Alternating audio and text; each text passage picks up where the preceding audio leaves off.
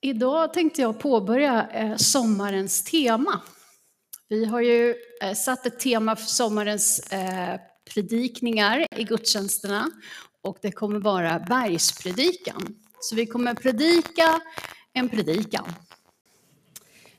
Och det känns jättespännande. Det är en väldigt fascinerande del av Jesu undervisning. Och Kanske att det här just nu, idag, blir lite mer av en eh, presentation och introduktion eh, kring bergspredikan. Jag hoppas ändå att man ska gå härifrån inte bara med massa fakta, utan att det ska beröra oss. Det som, därför att det finns otroligt mycket gott i den här predikan. Men grejen är ju den att jag har liksom inte fått någon tydlig text. De, eh, predikanterna som kommer sen resten av sommaren, de får liksom en bit av bergspredikan. Jag har fått introduktion till bergspredikan. Eh, och då står jag där utan egentligen en bibeltext. Och då, så att, eh, men jag tror att jag kommer hitta en del bibeltexter och dela med er ändå. Jag tänkte faktiskt börja med det som är slutet av bergspredikan. Och den kommer upp på väggen här. Och när ni ser den så kommer ni se den i Eh, folkbibelns tappning. Men jag tänkte läsa ur The Message. Och om du nu har lite problem med det här synkat och tänka, att höra en sak och se en annan, så kan du blunda och lyssna. Eh, eller också håller för öronen och läser. Du bestämmer. Men jag läser ifrån Matteus 7 och vers 24.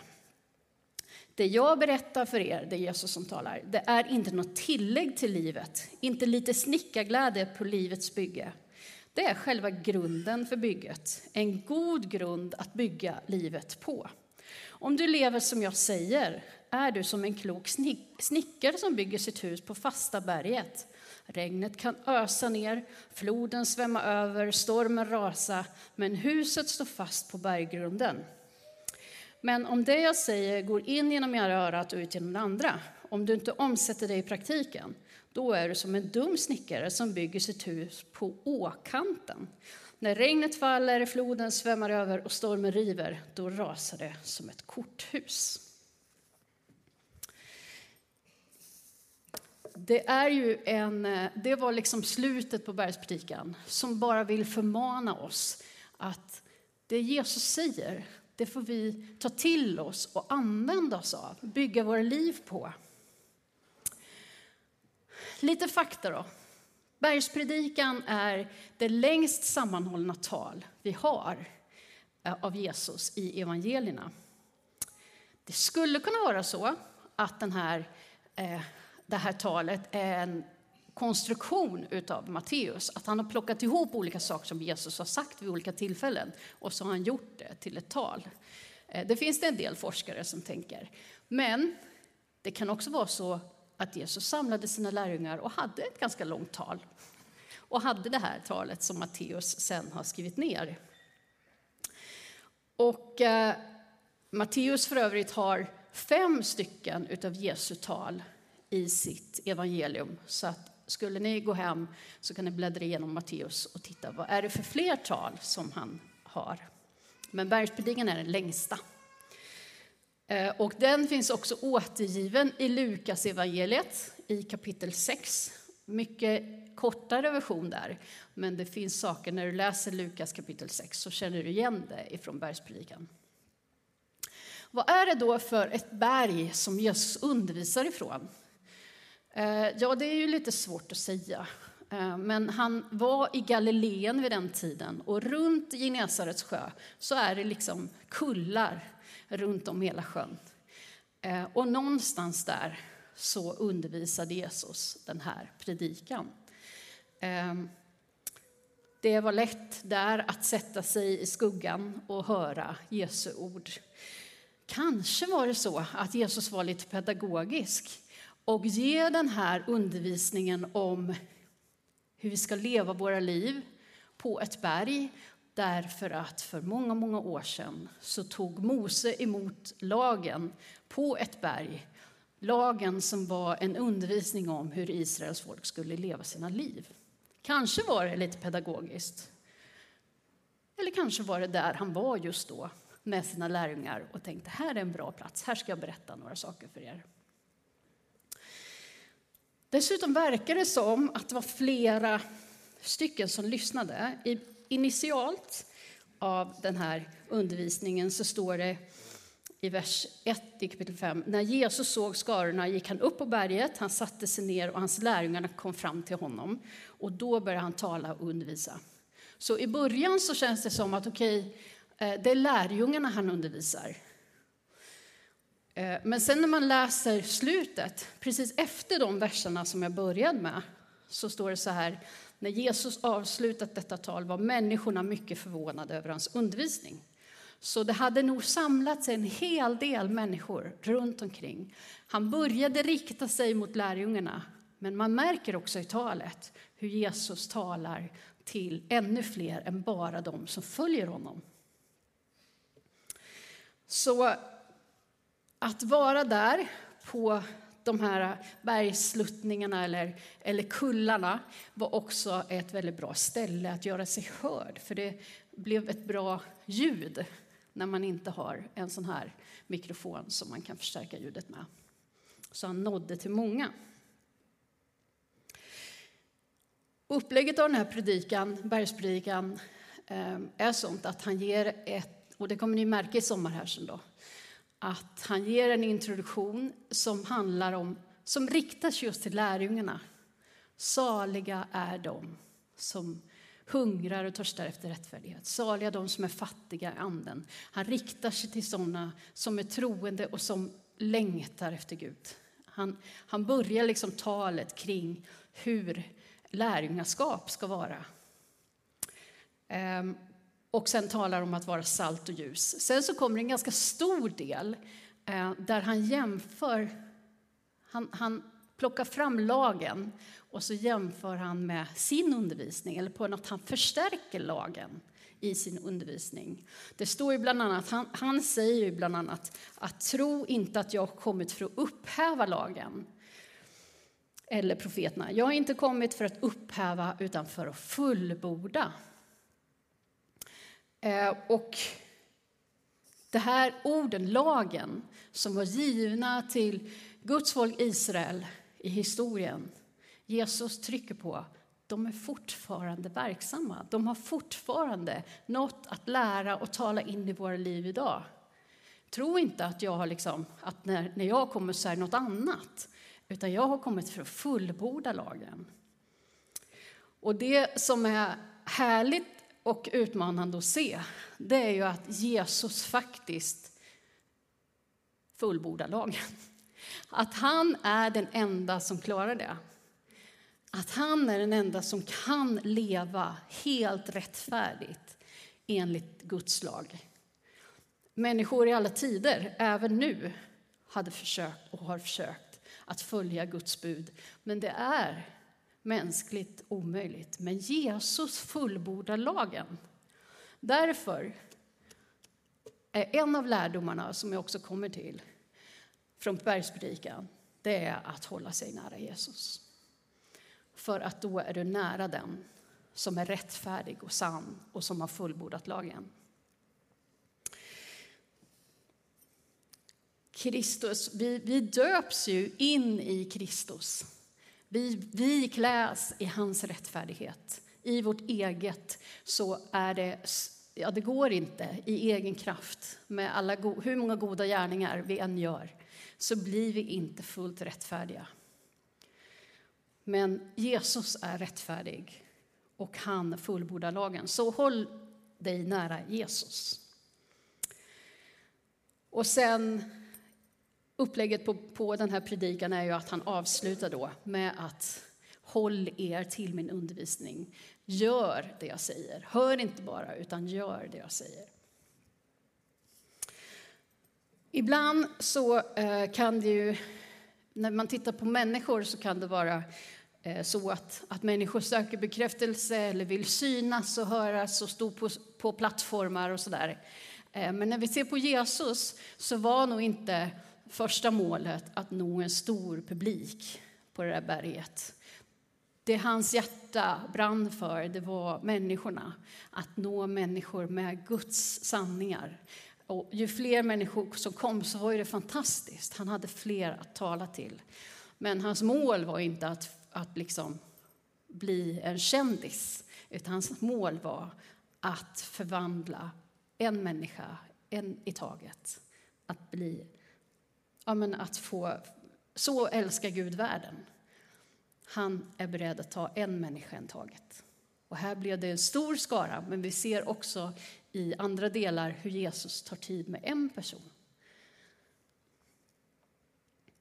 Ja, det finns fantastiska teman i bergspredikan. Teman kring rättfärdighet och rättvisa, kring fred, kring bön, kring Guds rike och vad det innebär, gemenskapen med Gud. Det är en väldigt rik undervisning som Jesus ger. Och det har betytt så mycket för den kristna tron, för här lyfter Jesus så många frågor som berör, verkligen berör våra liv. Den är väldigt praktisk, bergspredikan. Eh, hur vi ska leva och behandla varandra. Och det finns många kända ord och citat i den här predikan som har blivit spridda också utanför kyrkan.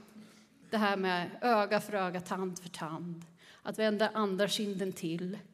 Bönen Fader vår, älska dina fiender och inte minst den gyllene regeln. Hur går den? Allt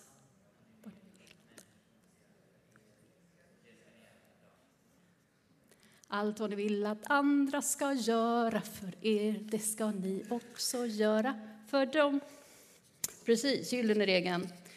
Den citeras ofta på skolavslutningar och på andra samlingar runt om i vårt land. Men jag tänkte då ändå försöka att idag, även om jag inte fick någon tydlig bibeltext utan bara en hel introduktion till detta, att peka på några teman som jag tycker jag ser som handlar om det kristna livet. Och den första, och då har jag en liten bild, det är bara en text så att ni ska komma ihåg det.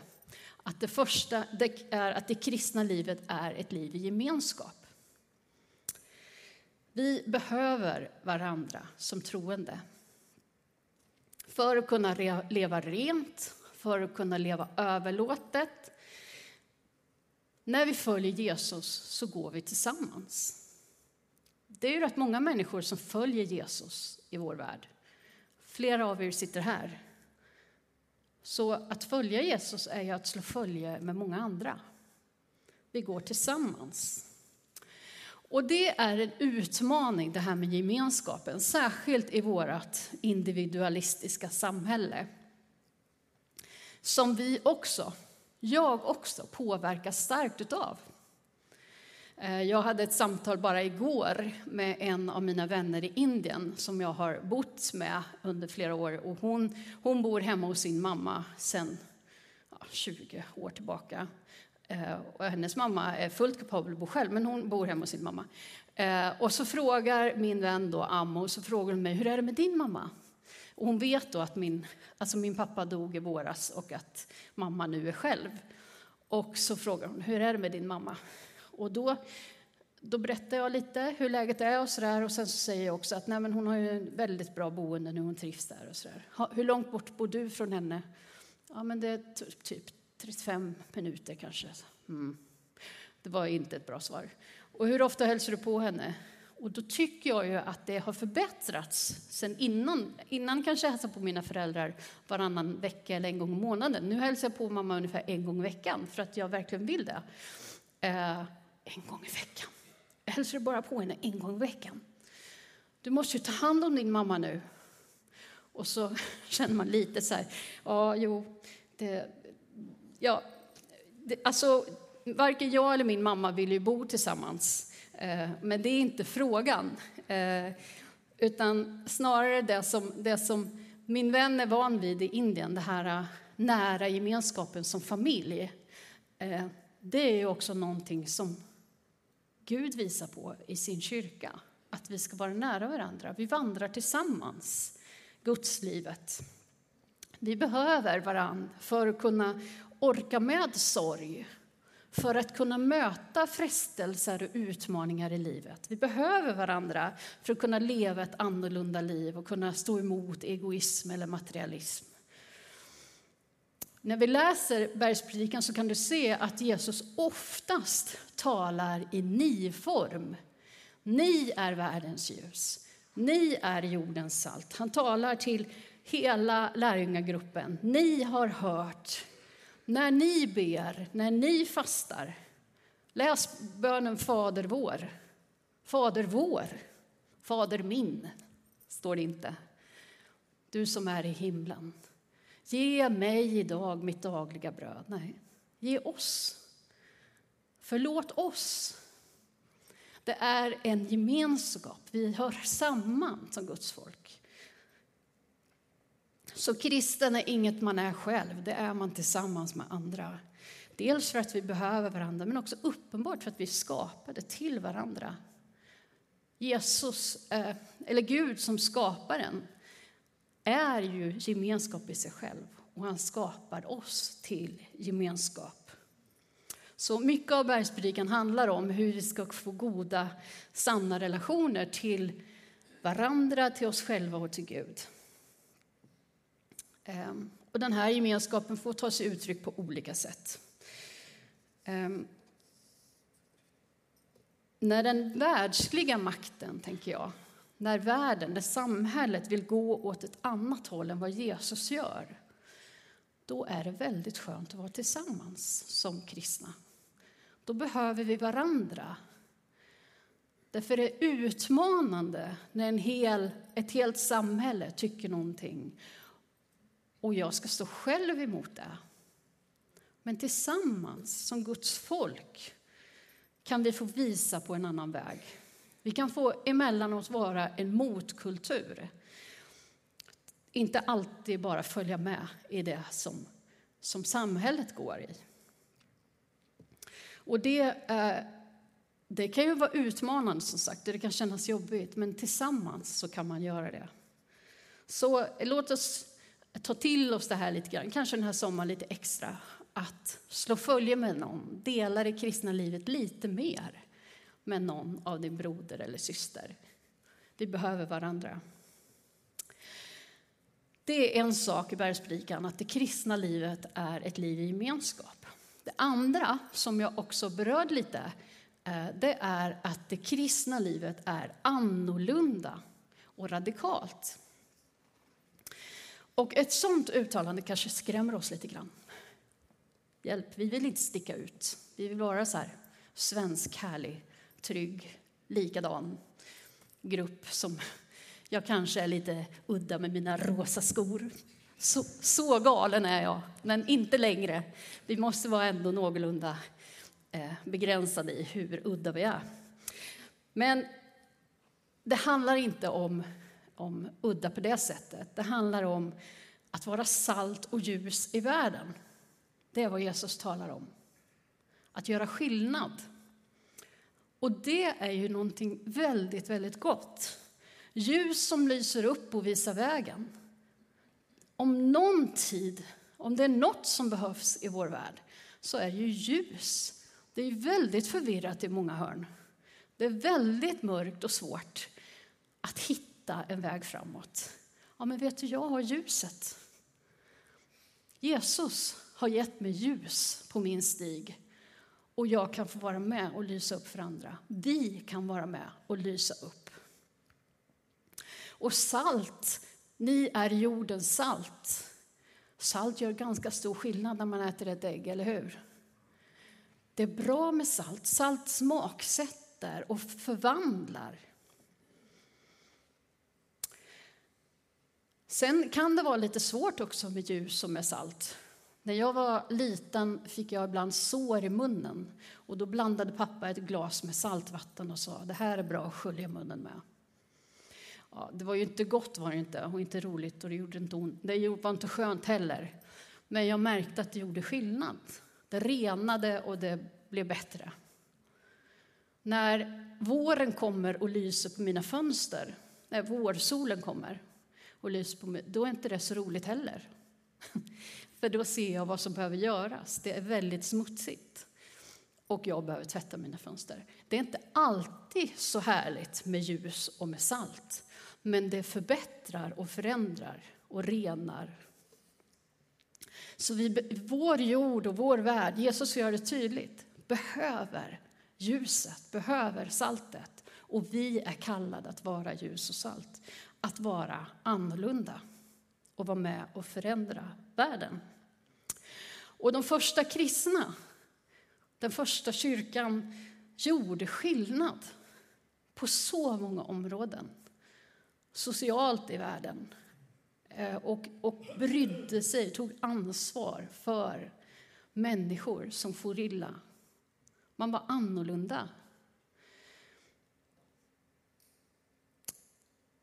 I, på den eh, tidigt så var det eh, liksom, och även jag kan märka det i Indien eh, eller i de länder jag har besökt där det är andra religioner som, har, som är eh, första eller största religionen. Ehm, att det kanske inte är alltid man kräver så mycket av dem som följer eller som är utövare av religionen. Det är bara vid vissa riter eller vid vissa tider som, som man måste på något sätt visa vilken religion man har. Men det kristna livet handlar om varje dag. Hela tiden ska, ska vi följa. Ska vi förvandlas. Här är en tro som gör anspråk på hela livet. Men i den första kyrkan såg man inte det som ett problem utan som en självklar konsekvens av evangelium. Och när jag satt och tänkte på detta igår så påmindes jag om eh, och jag var också inne i, det är ju lite en, eh, eh, vad heter det, en debatt just nu och som har funnits genom tider om kvinnor i ledarskap och om kvinnor får förkunna. Eh, och så. I, I vår ledning har vi tydligt en riktning, om ni kanske märker det. Men eh, det är en debatt som pågår och som, som det skrivs en hel del om i sociala medier och i även en del tidningar kring det här.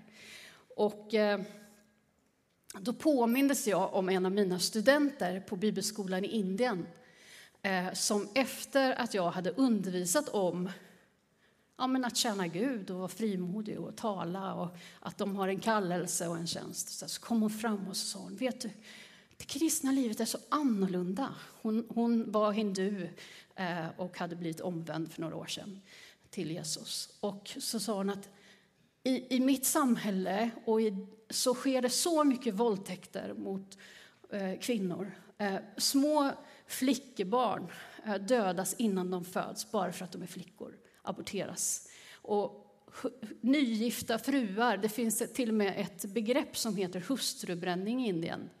De, de mördas därför att de inte har råd att betala tillräckligt mycket till svärföräldrarna. Eh, och så, finns det, och så rabblar hon upp massor av sådana här eh, saker som var fruktansvärda och som pågår i samhället. Och så sa hon, men Jesus är så annorlunda. Han kallar mig till att tala och predika och jag får gå ut med honom och hans ord. Och han ser ett värde i mig. Och då tänkte jag bara, men wow, liksom, tänk vad annorlunda livet med Gud är. Och hon såg det, för hon såg, hon hade gått från mörkret till ljuset. Hon såg den skillnaden så tydligt. Att evangeliet får konsekvenser. Den sista punkten jag vill dela handlar om att det kristna livet handlar om att följa Jesus. Det blev jättetydligt i predikan, bergspredikan hur Jesus han han lever ju så. Det han säger, det han talar, det, det lever han. Han har fullbordat lagen. Han, det han talar, det, det kommer inte bara ur munnen som något ord, utan han är ordet. Och han inbjuder oss, följ mig. Se mitt exempel, se hur jag gör. Det finns ju många skäl till att, att följa Jesus och, och, göra, eller göra det som bergspredikan säger. Dels för att det är bra för vårt eget mående eh, och det kommer ske en förbättring av vår värld när vi gör det. Men det som djupast sett måste driva, driva oss är att vi vill bli lika Jesus. Att vi vill bli formade av honom och likna honom.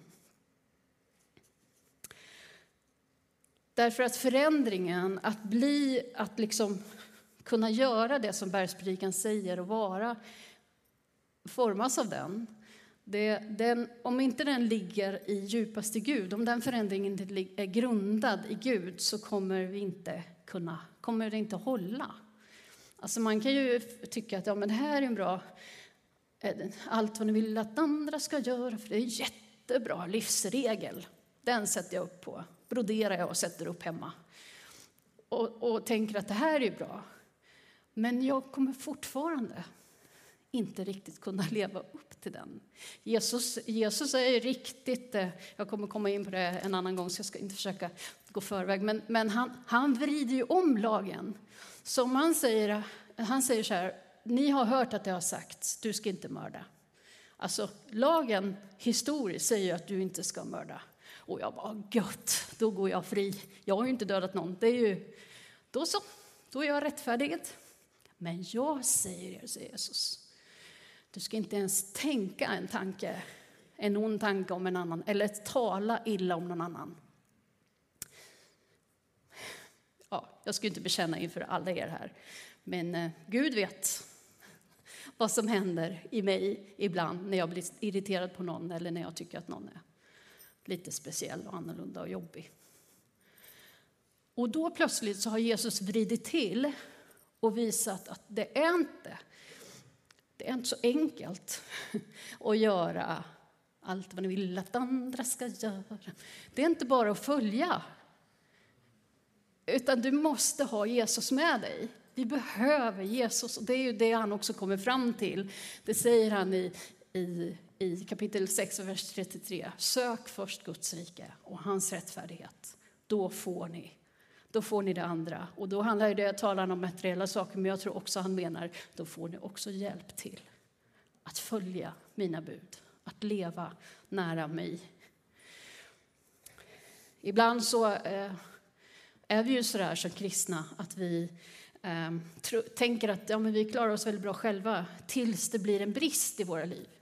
Tills det dyker upp någonting där man bara, mm, det här klarar jag inte av. Hjälp mig Gud med det ena och det andra. Och det, alltså det, vi ska ju vända oss till Gud. Men hela våra liv handlar om att följa Jesus. Ehm, och det, det är också inte så att de som är starka, att de som är duktiga är de som eh, klarar av den här undervisningen de kan vandra efter den. Utan Jesus visar det redan från början. De som är fattiga i anden, de som hungrar efter mer av rättfärdighet. Det är de, de som, är, de som sörjer, de som är, alltså vi som är brustna. Vi kan följa efter Jesus. Vi som, han pekar på att det inte är de perfekta personerna utan de som vet att man behöver Gud på alla områden i livet. Så det handlar om att följa Jesus, att se på honom, göra som honom. Inte bara, inte bara tänka och tycka som honom, utan faktiskt göra som honom. Då kan man bära frukt. Och då märks det ju vilka rötter man har, att man är grundad i Gud och hans ord. Vi lever i en tid då största fokus ligger på livsstil. Det handlar om kläder, det handlar om hälsa och träning, det handlar om sexuell prestation, det handlar om våra hem och trädgårdar, våra resor och vår ekonomi. Det handlar om ett tjusigt yttre. När vår tid lyfter det så ligger det verkligen på hur saker och ting ser ut. Och följer man ute på Instagram eller på Facebook så är det väldigt tydligt att det handlar om hur saker och ting ser ut. Jesus han pekar på ditt inre, på vårt inre.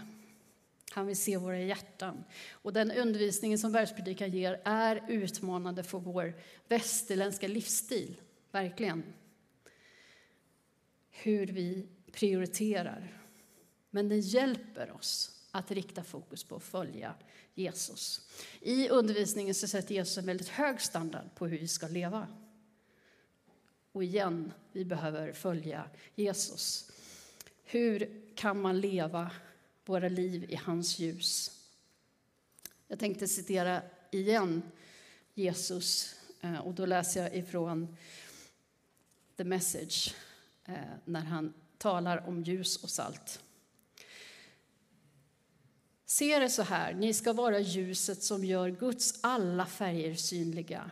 Gud är inte en hemlighet som man inte får avslöja. Vi ska synas, synas som en stad på toppen av en höjd. Om jag gör er till ljusbärare tänker jag väl inte gömma er under en bunke heller. Nej, jag hänger upp er på lampkroken.